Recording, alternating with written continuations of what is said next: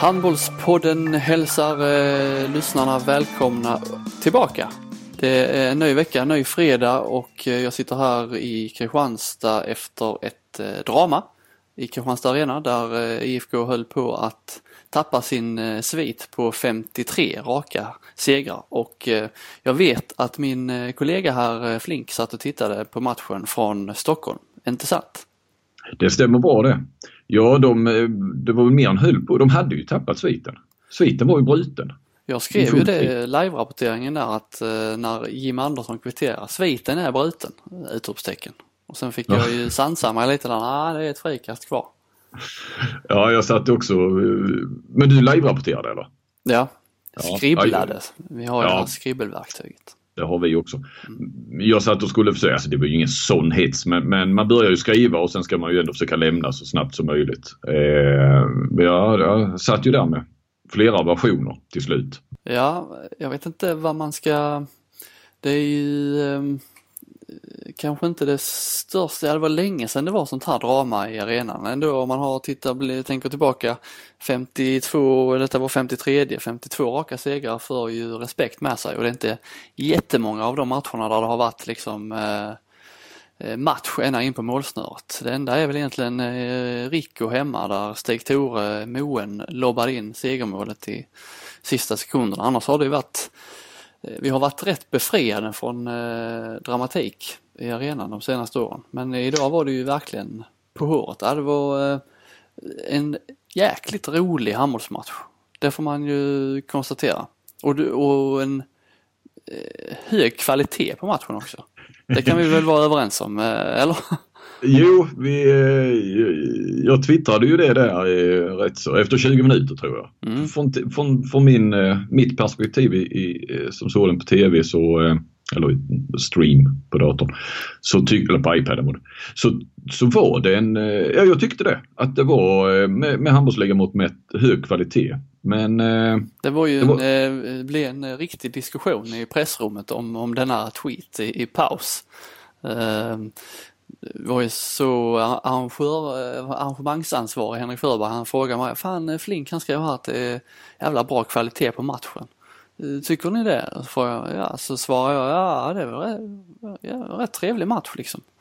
Eh, underhållande och jämn och så, det är rätt härligt. Aha, jag höll inte med och pressfolket där uppe som eh, står för fikan och det här, nej, de höll inte heller riktigt med. Så Flink var i underläge då men sen kom Uffe Larsson, IF-coachen, eh, slog upp dörren och det första han sa var jävla bra handbollsmatch alltså, vilken kvalitet. Så alla, bör, alla började garva och eh, ja, det är... steg helt, helt plötsligt i, eh, i graderna där inne. Ja, jag får tacka Uffe Larsson. Uffe är en handbollskännare av rang och eh, lite av ett facit skulle man väl kunna kalla. Nej, men det var väl, nej, nej, men det där går väl att, att diskutera. Men, men eh, jag tycker ändå om vi ska jämföra med många andra handbollsligamatcher så, så, så var den hög kvalitet. Sen vet jag inte, kanske lite nu, vad tänker eh, då eh, Fröberg och pressfolket, det är ju IFK-fans får man väl lov att säga.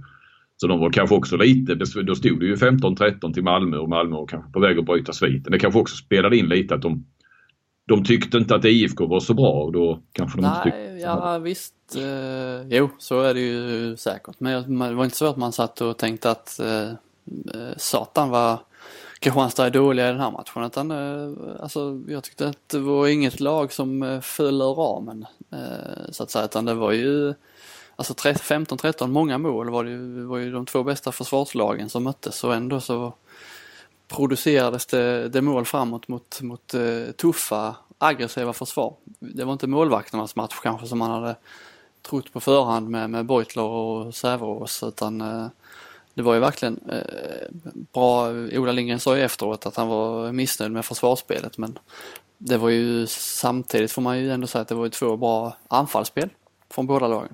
Ja, det tycker jag också men det ska man inte underskatta. Jag menar jag, jag menar målvakterna måste ju varit fullt taggade, fullt fokuserade, det finns inga ursäkter. Men det var jävligt bra eh, avslut helt enkelt. Därför blev det många mål mot... Eh, mm, sen har de ju ibland har de dagen och så vidare men, men eh, nej, jag, jag vill framhålla kvaliteten i anfallsspel snarare än att klanka ner på eh, försvar och, och målvakt. Vi ska, inte vara, vi ska inte vara sådana här svåra fotbollstyckare nu som älskar 0-0 matcher och bra försvar. Det var, kan, vara, kan vara kul med bra anfallsspel också. Ja, absolut. Och, och liksom så här starkt skytte. Både du och jag var ju efteråt, vi skrev ju om det, alltså det var ju en skyttefest. Ja. Eh, verkligen. Alltså det, det, det hade ju ja nu har vi Johan Jakobsson och vi har Kim Andersson när han är och ja, det finns många skyttar i handbollsligan. Det ska vi inte sticka under stol med. Men, men här var ju ändå några av de eh, tyngsta skyttarna i ligan får vi ändå lov att säga. Med, Ja. Men Linus Persson gjorde ju en bra, stark första halvlek med sitt skytte. Framförallt första halvlek var ju han het och Blickhammar, Lönn var ju bättre i början än han var i slutet kanske. Men Blickhammar var ju, var ju imponerad med sitt skytte hela matchen. Ja. Och Lagergren blixtrar till när han väl bestämmer sig för det känns det som. Så... Ja och Henningsson tyckte jag gjorde några riktigt fina utifrån och Gudmundsson också ju. Ja. Så att, eh... Ja det var inte så mycket, det var inte så mycket sexmeters nej. Det var, jag tror inte högerkanten i Kristianstad hade ett enda avslut och jag tror Jim Andersson i Malmö gjorde väl alla sina mål på kontring. Ja. Och Hallén hade ju något i och för sig men det var mittsexläge var det inte mycket. Nej och de får, de missar de också. Kristianstads missade ju en hel del. Mittsex, eh, ändå en hel del men, men de som var där och även heter han Kvick och så. Nej, det var inte så, så bra utdelning. Men det känns också som att de plockade iväg det och, och ja, nej, en bra match som, det var nu precis vad, eh, du var ju inne på det läste jag i din krönika efteråt att eh, det var precis vad laget behövde här i, eller precis, de kanske inte behöver en sån här tuff match för torsdagen innan de spelar mot Wisla Plock i en så viktig Champions League-match på lördagen. Men, men ändå, att du är ändå inne på att att det ja, men de behöver ju, när det väl var en sån tuff match så behöver de i alla fall eh, vinna den och få en slags eh, energiboost eh, och ta med sig in i, ja. i den här eh, Champions League-lördagen som väntar. Ja, för jag menar Ola Lindgren får säga vad han vill om sviter. Nu, nu har det byggts upp och, och det är klart det hade varit småtungt att två dagar innan eh, höstens viktigaste match eh, få en svit bruten. Eh, sen så tror jag ju att eh, framförallt framförallt för den här publiken. Kristianstad verkar ju komma vilka ligamatcher det än handlar om. Men att jag är ändå inne på att det, det, det var nog välgörande för eh, publiken också i Kristianstad. För att det har ju varit så. Antingen eh, i ligan kör man över lagen och sen så är det rätt hyfsat klara förluster i, i Champions League. Så har det ju varit under, under rätt lång tid. Ja, man märkte ju på, det märkte man ju på, på eh, stämningen och så, även om det alltid, man kan ju förvånas och imponeras av att det fortsätter att komma fyra över 4000, 4 5 tusen åskådare. Eh, trots att de då har vunnit över 50 matcher i rad. Det är ju imponerande i sig men det märktes att det var Eh, ställdes på sin spets idag med, med, med segern här och att det fanns ett engagemang från publiken som det inte har funnits på ett eh, bra tag. Mm. Eh, det behövs ju några sådana här kickar även för, på, även för publiken lite då och då för att det ska liksom Kanske för att de ska känna att det är ändå värt att man tar sig mm. hit vecka efter vecka. Mm. Sen ja, tror jag Ola Lindgren var ju efter matchen eh, satt mest och var irriterad på spelschemat. Eh, men nu när de ändå har, nu har de ju bara en vilodag här innan, innan plock så jag tror det där frikastet som Olaf har satt eh, betyder nog, ja fan jag tror att det kan betyda mer än vad man ändå, alltså vad man tror. Ja. Och han gick runt på rätt mycket folk också. Det var ju också en skillnad. Nu stod ju Malmö linan ut så att säga. Men jag menar de gick runt på tre. Malmö gick runt på, ja, vi kanske gick runt på fyra då. Nio spelare medan eh, Kristianstad var väl runt på sex i varje fall.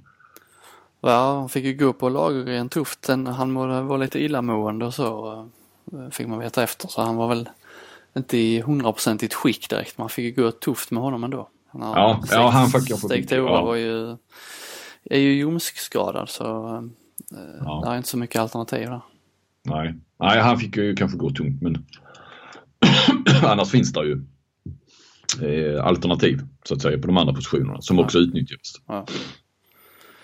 Ja, Plock de eh, kom ju till Kristianstad ikväll. Det är lite skillnad på uppladdning och uppladdning där kan man säga. Med, inför ett så viktigt Champions League-möte. Ja. Plock åker till Kristianstad och börjar ladda och samtidigt som IFK spelar en av de tuffaste matcherna på säsongen. Ja, nej det har du rätt. Det är skillnad. Det här frikastet då? Eh, fotfel eller inte? Har du bildat dig någon uppfattning? Eh, ja, det är väl när man eh, tittar på ett par repriser i slow motion så eh, kanske det är fotfel. Men eh, jag har svårt att hänga domaren för det. Att ta det beslutet. Att dessutom, det krävs ju lite guts. Sen ska ju alltid liksom, det ska ju, man ska ju vara neutral såklart. Det, är de ju domarna och, och du ska inte men, men det jag ska komma till var ju att, att det krävs ju ändå en del att när den väl går in, att då döma bort det. Eh, för ett fotfel som man knappast kan vara säker på. jag skulle säga det är jävligt svårt att se det fotfelet om man äh, inte tittar och har några reprisbilder tillgängliga. Ja, det är nästan omöjligt. Ja, det, det, man sitter ju och man satt och kollade reprisen så att man liksom en decimeter från skärmen och lyfter han foten? Ja, jo det gör han kanske men ska man stå där och ta det beslutet live? Det är inte lätt. Nej, så det, det, det nej, det, det, är inget och egentligen, ja det är lätt att prata om i efterhand men, men eh, nej, det behöver vi knappt göra. Det är inget som domarna ska, ska eh, åka illa ut för i alla fall.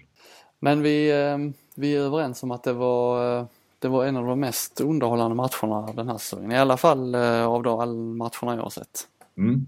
Nej men det var väl, jag vet inte, folk kan ju tycka att vi pratar för mycket Kristianstad men, men jag tyckte det var värt att prata om den här matchen och dessutom är det inte alltid vi båda har sett en match heller precis när vi ska eh, spela in så att eh, det var väl också en anledning. Men det, det var ett, eh, ja nu är ju de tabellfyra va, Malmö men det var ju, det var ju toppmöte får man lov att säga. Wow. Kändes det som. Sen är det det här med schemat. Eh, Lindgren var ju mm. Eh, mycket irriterad skulle jag nog säga eh, rättvist. För han satt och var väldigt bitter över detta på presskonferensen. Men det är ju inget var... nytt. Nej, nej, det är inget nytt. Han, han, och inför säsongen var han väldigt sådär, det är som det är ungefär. Man kan tycka mycket. Men, men, inga men... ursäkter så här. Men den här gången var han, men jag tänkte på det, jag frågade, jag frågade honom varför inte denna matchen spelades igår. Och det fattar inte han heller. Men sen tittar man, ja Sen spelar ju Malmö spelar ju i måndags och då hade de bara haft en vilodag ja. eh, till onsdagen. Och skulle man då, ja varför spelade Malmö i måndags mot Redbergslid? Eh, de kunde väl gärna spelat söndags. Ja, tittar man på Redbergslids schema, ja då spelar de ju i, i, eh, på fredagskvällen där. Så då hade de bara haft en, en vilodag. Så det, det är många, många hack tillbaka. Det är på många lag liksom som, som, det krävs, som spelar. Det är därför det krävs, det är därför det krävs en superdator också ju. Ja, ja precis. Det, det, det, är inte så konstigt att det, att det behövs den kalibern. I vissa, eh. om man tittar på fotboll så är det vissa länder som eh, säger att eh, Napoli har en viktig Champions League-match på tisdagen. Ja, då läggs ju alltid deras matcher på, på lördagen och inte på söndagen eh, i ligan då för att de ska ha bästa möjliga förutsättningar i Europa. Ja. Eh, så kan man inte säga att Kristianstad har det då om eh, Plock kommer hit och värmer upp på eh, torsdagskvällen samtidigt som de in, det inhemska laget och hemmalaget spelar, spelar en, en av de tuffaste matcherna. Nej, nej absolut. Sen har de ju Alingsås på tisdag då i och för sig, men det är ju rätt så. Ja, de har ju en riktig, de har ju lördag plock, sen har de ju tisdag Alingsås och sen har de ju torsdag Skövde och sen har de ju söndag plock borta igen. Så att det är ju ja. Eh, feltajmat med det här tuffa schemat just mot de här två Champions League-matcherna som eh, är de viktigaste. Ja. Men du har varit på en annan presskonferens idag? Ja, jag har varit på, jag är ju på, i Stockholm på VM-kvalsamling med fotbollslandslaget. Så det var, eh, det var ju dagen före match då. Jan Andersson och Andreas Granqvist i vanlig ordning. Och Ja, är det alltid dem eller? Ja, det är faktiskt så att eh, det har de kört nu. Alltså förr var det ju Zlatan. Men sen ibland när Zlatan inte, om inte han var med, då, ja, det ska ju vara kaptenen på ett vis. Men sen har, det där har de skiftat för ibland, eh, framförallt bortamatch mot, och nu har ju Granqvist varit runt i flera länder, men, men eh, Ja men sen man ska möta Tyskland. Då har de kanske valt ut någon som har spelat i Tyskland för, för de tyska journalisternas ja, dels med språket, de, de kanske eh, spelaren kan tyska och sen är det någon de känner igen och ja, så. Men nu är det alltid Granqvist så att eh, Granqvist gör rätt mycket med det. För sen har vi begärt att vi ska få Granqvist eh, även i mixad zon för att eh, de här presskonferenserna ger, oftast blir det ändå Janne Andersson i fokus och Granqvist sitter bredvid och får några pliktskyldiga frågor och några pliktskyldiga svar. Men, så det har vi fått till nu så att eh, i, och så gör han, alltså i period, eh, ibland gör ju Granqvist när det är så här tätt mellan matcherna och han ska göra dagen före så kan han ju göra media fem sex dagar i rad. Mm. Ja, det var ju väldigt eh, generöst. De hade tagit dit en uh, italiensk uh, tolk som uh, översatte allt egentligen. Men det var inga för att de här, de var ju schyssta, lite typiskt svenskt att det ska vara så jäkla tillmötesgående mot de italienska journalisterna. Så de skulle kunna ställa frågor på modersmålet men de, det var inga italienska frågor. Var det en Jag tror inte, jag hörde ingen. Nej, det stämmer nog det. Och de, för de var ju rätt många de italienska. Men de, de körde ju på engelska. Ja, de körde på engelska så att eh, Nej, han var, blev väl lite överflödig. Men eh, nu kan jag inte italienska men jag förstod ju ändå att eh, han, han hade, kunde ändå lite fotboll, hade lite koll. Alltså, man har ju varit med om något riktigt skrämmande. Senast Holland borta. Mm. Eh, med en holländsk tolk som var eh, eh, Ja framförallt när vi var på den holländska då. Så att då hade de också en som skulle översätta till, till svenska då. Men det var, ja, det var så dåligt så. Eh, och jag kommer ihåg man var Malmö FF Champions League också. Det var lite roligt när de hade, det var Salzburg playoff. Och eh, då är det tyska och eh, Niklas Skog har ju varit proffs i Tyskland. Mm. Och eh, var, eh, jobbar inom MFF. Eh, så att de släpar ju dit honom då i sån här förhands, dagen före presskonferens. Och när han satte sig där uppe så sa han, då viskade han lite till oss då på svenska som satt längst fram så ställ bara ja eller nej frågor. och han var inget vidare. Han hade tappat det mesta från, från sin, jag menar det väl 15-20 år sedan han var där en säsong eller två eller någonting i Bundesliga. Jag har hört några sådana skräckexempel när eh, det kommer in tolkar som inte är liksom familjära med Alltså det är ett speciellt språk ändå ju, idrottstermer och fotbollstermer som inte alls ja. är hemma i det. Så det blev, det blev så jäkla konstigt i, i ja, ja, ja. Och sen framförallt när man förstår på eh, de, de inhemska journalisterna att det sägs något riktigt bra. Och sen så tar tolken det liksom och bara sammanfattar med en mening helt neutralt, helt torrt. Mm får man ju gå och sen får du översatt av eh, de inhemska journalisterna. Ja. Ja, i Kristianstad är det ju alltid presskonferenser efter, eh, efter varje, varje match men just eh, Champions League presskonferenserna är ju något utöver det vanliga alltså. Jag önskar att de sänds ju inte live eller de borde, jag får kanske börja göra det, sända, köra mobilen och sända dem live för det är verkligen udda tillställningar alltså. Du kan väl köra på Facebook eller, för, eller hissa periskopet, det är periscope, men det är väl inte så, det var ett par tre år sedan det var populärt. Det ja, försvann. man kan köra Facebook eller Instagram och sånt där. Men jag spelar faktiskt in lite ljud från eh, nu senast när eh, Vardar var på besök. Då var det ju eh, Gonzales, Raúl Gonzales, tränaren och så var det linjespelaren eh, Stoilov, Stojanski Stoilov eh, mm. som, som var där. Det var liksom, eh, det är sån eh, överartighet, om man kan, om det är ett ord. Mm. Det är liksom så jäkla trevligt och alla, alla gratulerar varandra till en fantastisk insats. Kvittar vad det blir i matchen för båda lagen. De såg IFK nu när de mötte Rhein-Neckar förlorade med 12 mål, ja då blev de ändå gratulerade för en, för en, bra, för en bra insats. Men, ja, vi kan vi bara höra, jag har klippt ihop ett litet axplock ur den här uh, artighetspresskonferensen. Mm, vi lyssnar. Good evening to everybody here. Um, want to congratulate on their fair play and good work and continue like that. Good evening, everybody. First, I want to. Ryan Reynolds here from Mint Mobile. With the price of just about everything going up during inflation, we thought we'd bring our prices down. So to help us, we brought in a reverse auctioneer, which is apparently a thing. Mint Mobile unlimited premium wireless. Ready to get 30, 30, bit to get 30, bit to get 20, 20, 20, bit to get 20, 20, bit to get 15, 15, 15, 15 just 15 bucks a month. So, Give it a try at mintmobile.com/switch. slash $45 up front for 3 months plus taxes and fees. Promo rate for new customers for limited time. Unlimited more than 40 gigabytes per month slows. Full terms at mintmobile.com. Congratulations. Raul Gonzalez and his team. To the victory. That's a very strong, powerful team with a very good goalkeeper. We saw that today. Yeah, first of all, uh, congratulations to Vardar with the win and the victory. Ja, så... Ja, det var väl full, full, fullblodsdiplomater. Ja, det kan man säga. Det, det, och sen sägs det egentligen inte så mycket annat. De summerar liksom match, de, de eh, ägnar mer tid åt att gratulera varandra och uh, tacka för matchen och Stoilov var ju till och med fair play. Det var, aldrig, det var, det var något nytt. Ja. Och sen när man... Det var ju massor med utvisningar så, att, så fair play var det inte.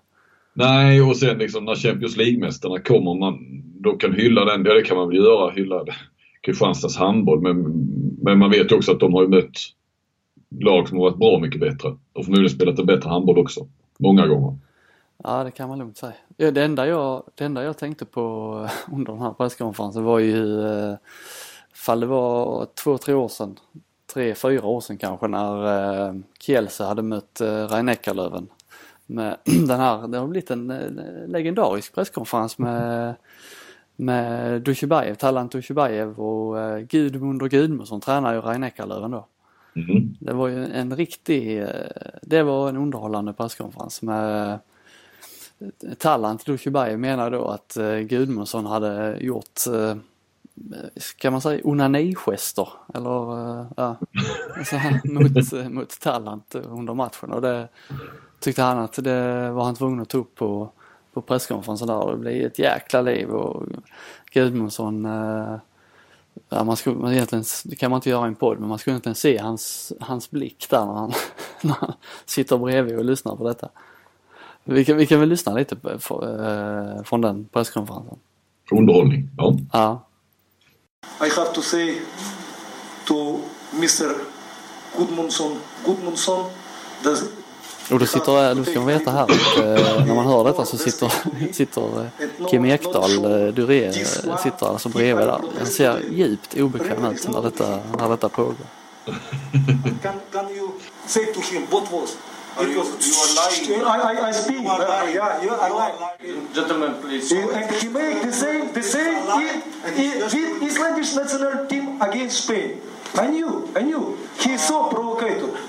Then, Oh, then, yeah. yeah, yeah. Yeah, yeah. all know me about Yeah, of course. What are you doing Yeah. with this?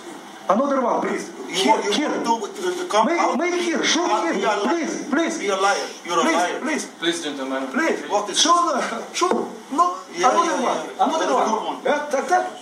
Sen ställer, han ställer sig till och med upp eh, eh, Tallant och, I have- och visar vilka gester eh? Gudmundsson hade gjort då. Yeah, yeah, of course, of course. This is unbelievable. Yeah. In Spain, in Spain, you make the same with Juanin Garcia. I have never experienced Yeah. this in my life as the coach is lying Yeah, about yeah, it. yeah. Never. Because Never. You, I'm not trained, I'm not playing. what are you I'm, doing? I, I, I'm coach. Coach, like you. This. We are the opinion Super. Krzysztof about the game. Sick. Det var, det var rock'n'roll kan man säga. Ja, ja. Ja, kul. Vi får se vad, vad de har att bjuda på, på ja, imorgon då när det, när det är nytt Champions League. Jag ska, eh, fil, jag ska filma då, jag lovar. Och lägga Ja. ut på, eh, på ja, Twitter kanske. Det är kanske där flest är.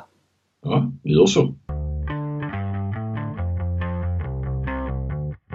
Det var ju också så att eh, Sveriges Radio, fall det nu är eh, norrut någonstans, eh, lokalkanal hade gjort ett inslag, och rätt kul, jag vet inte om du har sett det med, eller lyssnat på det med Boden de- inför, de förlorade mot eh, H65 här i onsdags kväll. Men Ja, inför nej. den matchen så hade de ju laddat upp med eh, skrattterapi. Mm. Jag, jag, har faktiskt inte, jag har inte lyssnat på det men jag vet ju vad det handlar om. Vi kan, jag kan, vi kan höra ett litet, litet eh, segment från, eh, från det här klippet de hade.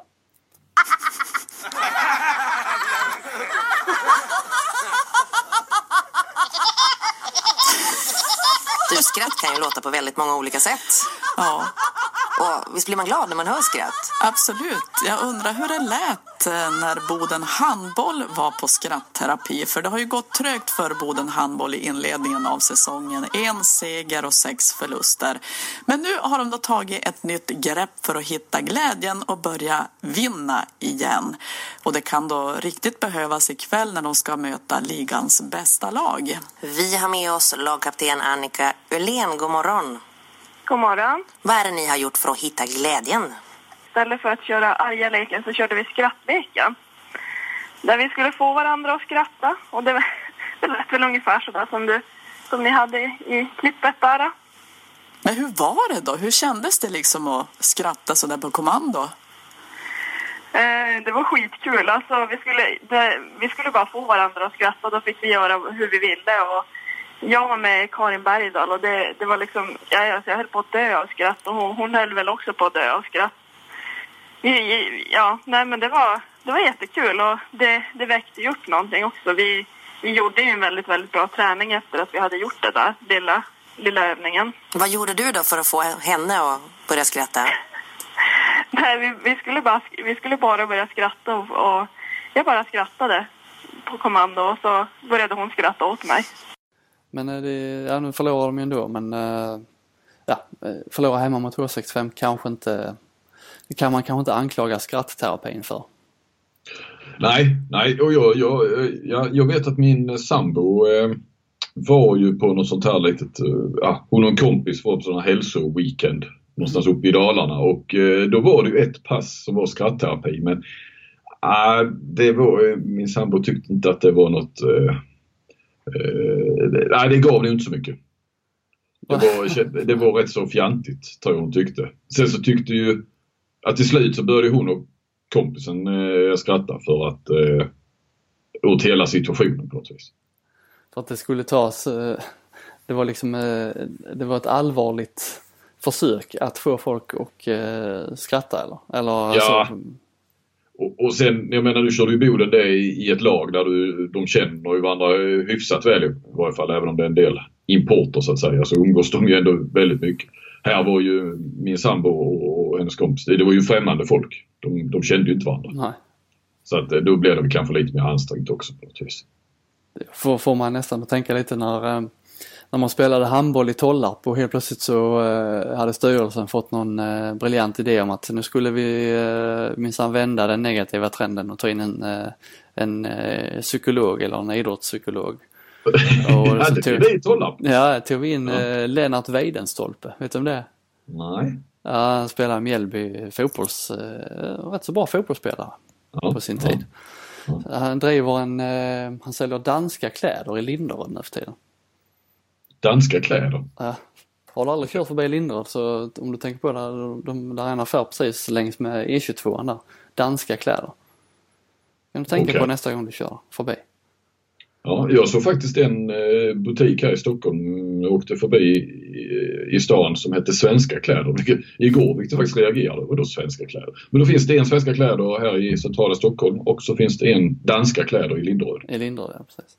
Och han, jag tror inte han, eller det, han är ju ingen idrottspsykolog men uh, han, uh, han tog sig in i den rollen i alla fall och då kommer jag ihåg han sa, vi spelade alltså division 3, vi var bottenlag. Jag tror, undrar om inte spelade till, division 4 till och med men då, uh, hans råd var då att vi skulle ha kostym på oss inför matcherna. Du vet när man kommer i, kommer man ju i, de stora lagen kommer ju i riktiga bussar men då skulle vi komma i våra minibussar och personbilar och så skulle vi ha kostym på oss. Det skulle inge respekt. Och sen skulle vi inför varje match ställa oss framför spegeln och säga eh, jag är bra, vi klarar av det här, vi kan vinna. Det är så här, riktig så här amatörpsykolog. Ja men det är som med Lasse Åberg i Sällskapsresan, jag kan ja, flyga. Exakt, ja. Då blev det med lite så som äh, din sambo så där, man, man satt sist och skruva på sig på de här psykologigenomgångarna. Jag tänkte fan, är detta på allvar eller vad, ja. vad är det som försiggår? Men var det, gav det någon effekt då? Nej, det...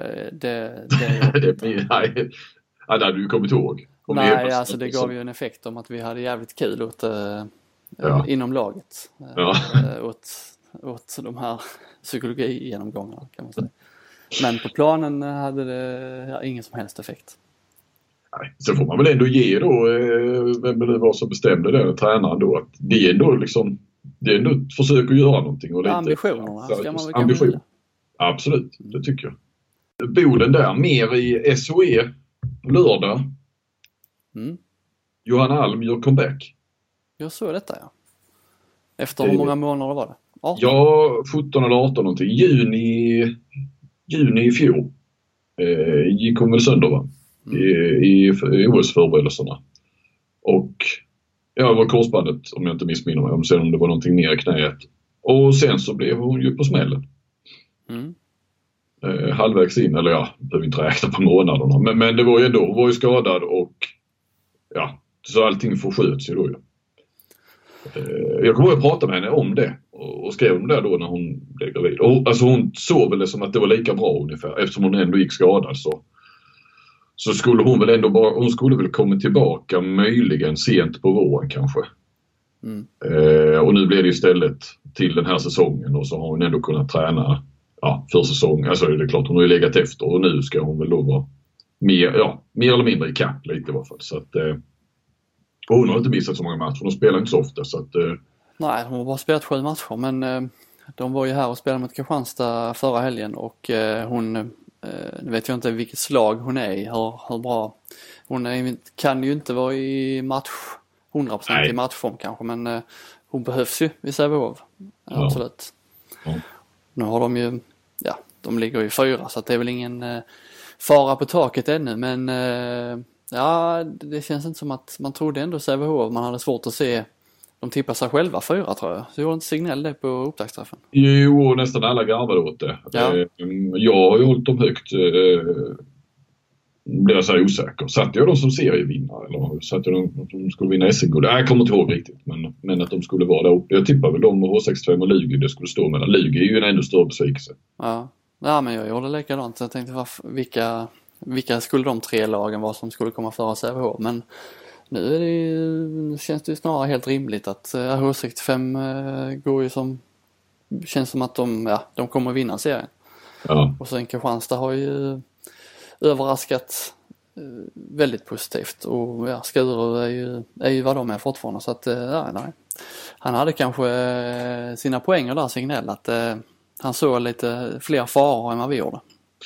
Det är möjligt. Sen ska tiden tas i mål och, och frågan är ju om Kristianstad är med hela vägen där uppe in till eh, fram till slutspelet. Det är väl frågan. Nu går de in i en tuff och möter Skuru borta och sen har de eh, eh, H65 borta. Så att, Ja. eh, Det lär ju bli någon förlust där, kanske två, och då ska de tackla det också. Mm. Ja, eh, visst. eh, Det var ju så, det var lite sån här eh, man skulle liksom få veta var de stod mot Sävehof om de, för de har haft hyfsat lätt spelschema fram till dess. Men sen slog de ju ändå, visst det blev bara ett par mål till slut men de ledde ju med sex bollar med tio minuter kvar så att de, de övertygade ändå mot Sävehof. Och, eh, det var väl egentligen inget snack om att de var det bästa laget där så att det skulle inte förvåna mig om de eh, vinner minst en av de matcherna ändå. Nej, nej. Den som lever får se. Ja, så är det. Eh, däremot går det inte, om man tittar på Sävehof så är det ju, eh, de går ju betydligt bättre än vad herrarna gör. Nu tappar de ju poäng igen. Sävehof hemma mot Hammarby. Ja, och räddade poäng. Eh, alltså det var ju de som låg under ju. Sävehof också. De ledde ju med sex och sen vände, tog Hammarby fatt och var i ledningen i slutet. Så att, eh, ja det är en kräftgång som jag inte riktigt, eh, jag förstår inte riktigt eh, hur det kan, vad det är som inte, vad det är som inte stämmer. Där. Visst det känns ju fortfarande som att, ah, eh, när det väl, eh, de har spelat eh, 11 matcher liksom, när det väl drar ihop sig så kommer de att vara där uppe. Men eh, någon gång så tycker man att, ah, när ska det vända? Eh, Hammarby hemma är ju inte en sån match som man tänker att det borde vara, några, vara, någon fara att tappa poäng i liksom. Nej, eh, verkligen inte. Och, och, men det är väl eh, för dåligt. Behöver bättre försvar. Mm.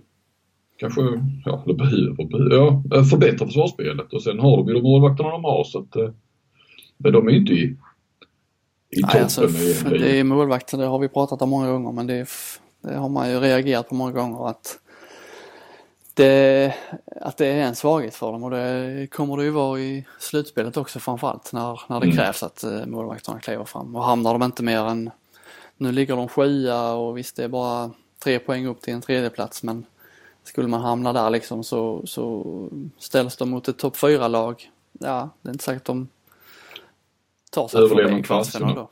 Nej. Nej, det skulle vara faktiskt ett rejält misslyckande.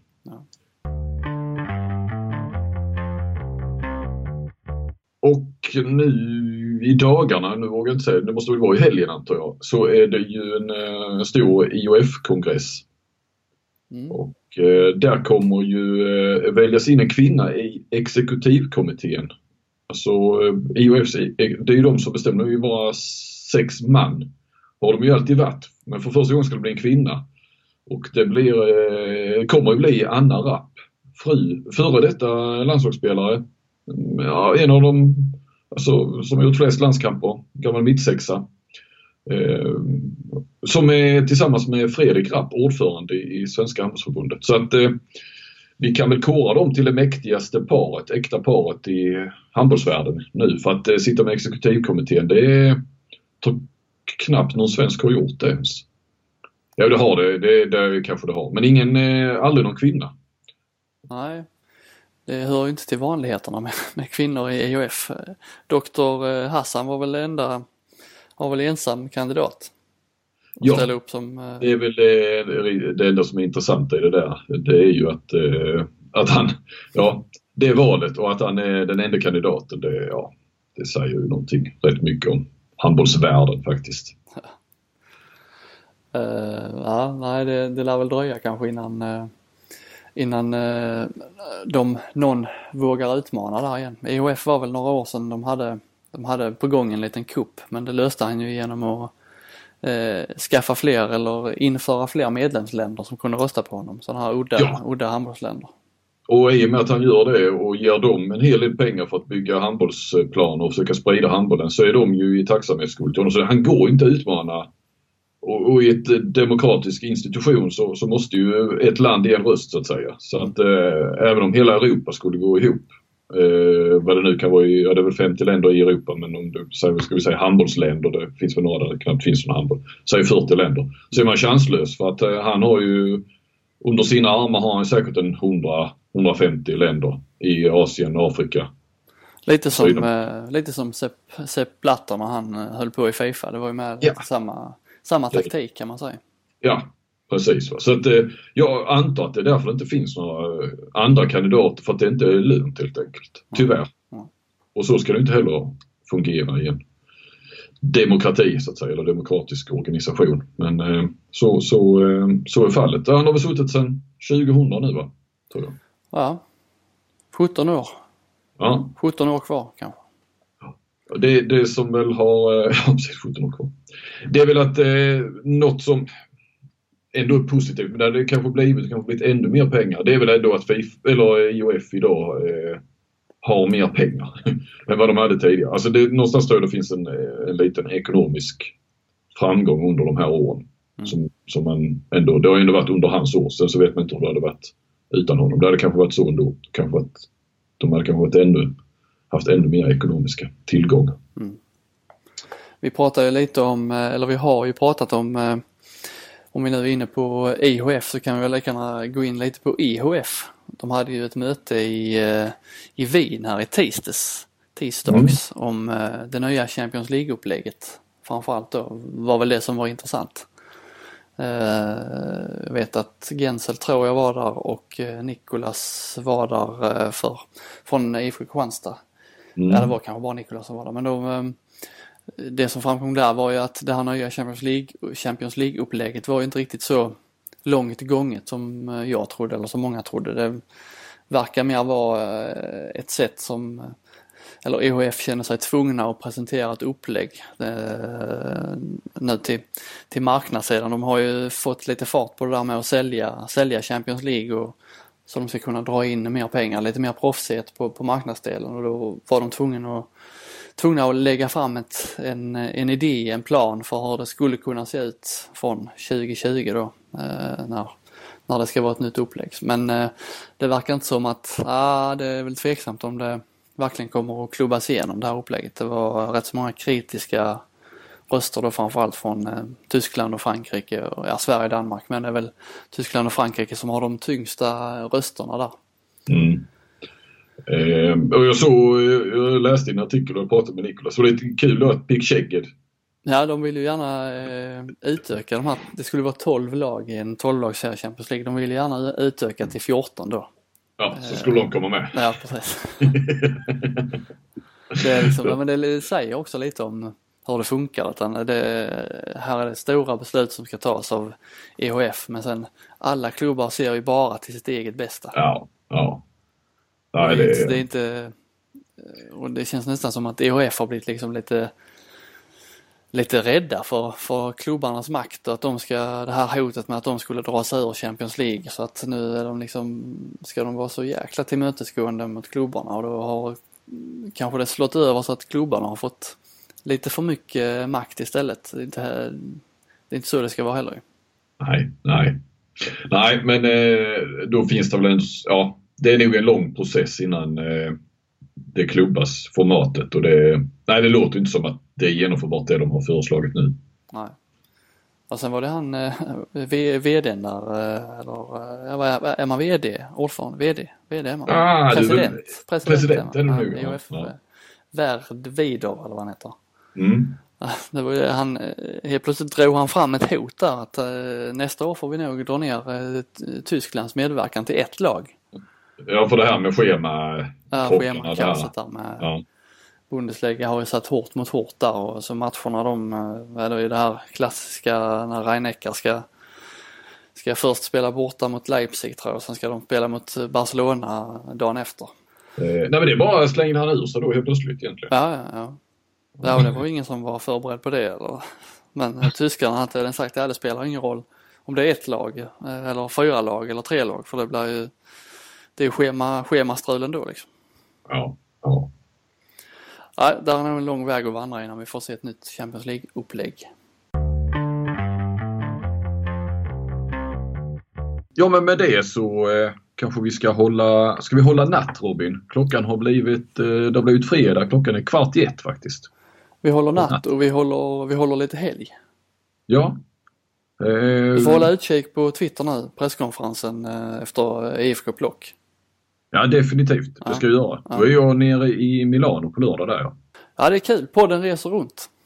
Ja, så får vi se. Det blir inte så mycket eh, handboll från Italien bara. Det, vet du, kan du nämna två som svenska proffs som har varit proffs i Italien? Nej, det kan jag säga. Det kan jag inte. En eh, har ju, eh, ska vi se, ge den lite ledtråd här. En har ju varit en, en effekt i handbollsligan. Har varit en effekt? I den här, ja, och kanske lite kryptiskt. Eh, effekten har vi pratat om i podden två gånger tror jag. Ja, ja, Pierre Thorsson har varit i Italien. Jajamän. Han var där eh, ett par år. Eh, det var för... Nej, han måste väl ha slutat i landslaget då. Ja, det, jo, men det hade han nog. Det var där efter han slutat eh, början på 2000-talet. Vem var den andra då? Eh, Christian Blisnak. Ah, någons tror jag, nu blir jag lite osäker, men rätt tidigt i karriären. Han har ju spelat rätt många länder. Ja, han har ju varit, eh, jag googlade Pierre Thorsson här, Palamanco Conversano mellan 2001 och 2003. Var han i Flensburg efter det? Ja. Ja. Ska jag eh, googla? det på tangenterna även. Ja, du hör det. Ja. Vi har ju Blisnak. Han var där eh, M ML Nakateramo 2004-2005. Alltså han var moderklubb Kärra fram till 2002. Sen var han i Varta två säsonger sen var han i Heim om det var ett halvår. Och sen då till Italien en säsong. Sen tillbaka till Kärra i två säsonger. Sen tog det fart. Allingsås i fem år från 2007. Och sen Sävehof och sen Wetzlar och sen Kadetten. Schaffhausen och nu Reine Löven. Ja, lite speciell den. Den i Italien där, den är lite, lite speciell där mitt i alltihopa. Innan han egentligen var, måste varit innan han var ett namn överhuvudtaget. Där vi har några sådana spelare. Jag tänkte också på eh, eh, vi skrev ju om eh, Kristianstads intresse för eh, Sönderjyskes mittsexa Adam Nyfjäll. Det är med en sån svensk spelare som har flugit helt under radarn. Ja, Han hade bara verkligen. varit en jävla massa klubbar. Lysekil, RIK, Kärra, Kroppskultur, Stavanger, eh, Falk, Horten, Haslum och nu Sönderjyske. Det är en sån resa man inte riktigt eh, har hängt med på. Ja men de där som drar eh, från, eh, nästan från allsvenskan till Norge och sånt, de har man ju verkligen ingen koll på. Nej. Eller från mindre, vad säger, mindre eh, elitserieklubbar också till Norge. Det, egentligen borde vi ta och kolla hur många där egentligen är i, i Norge. Svenska. Jag vet inte om det är så mycket nu som det var förr. Men ett tag var det vissa lag hade som fem sex stycken. Rätt många tränare, svenska tränare har ju varit och tjänat lite oljepengar i. Ja, precis. Som Kentari han gjorde en gång. Ja, har du någon koll på Kentari? Vad gör han? Nej, rätt så dåligt. Jag har lite dåligt samvete där. Sällan vi, vi, vi hörs faktiskt. Han hade någon invändning. Jo, det var ju det här Hellas-dokumentet som han trodde då att jag hade skrivit det. Jag twittrade ut om det. Eh, det- vi, vi kör någon sån här serie klubbar som eh, försvann eller så. Så var det en kollega som hade gjort det. Och Det då, var väl min gamla kollega med va? Simon Sjöstrand? det var det nog Sjöstrand, ja precis. Då smsade han till mig. Du har glömt den största av dem alla i Hellas att nämna honom då. Kutti Kjell, han är ju från Ystad ju. som spelar. Så, så, så svarade jag det att jag... Eh, det var inte jag, som Jag, skrev. jag, jag, jag vill inte ha någon kritik för någonting. Jag, eh, hade det varit beröm hade du sagt tack. Jag hade Ja, ja, ja. länge med det. ja, precis. Nej, jag sa fan det är inte jag som har skrivit. Nej, oh, skönt skrev han. så eh, ja, nej annars så, men jag, jag, har fortfarande inte varit i hans jag stuga som blev hans permanenta bostad där. Jag har, sagt det här nu under det senaste året att nu fan ska jag åka ner och hälsa på den en gång man ska till Ystad. Men tiden flyger. Ja, tiden flyger även för podden. Nu, eh, nu, nu avrundar vi för andra gången här kan man säga. Ja, men det får vi göra. Ja. Så eh, hörs vi väl om en vecka igen. Det gör vi absolut. Ha det gott i Italien. Ja, men ha det gott i Kristianstad. Tack. Hej.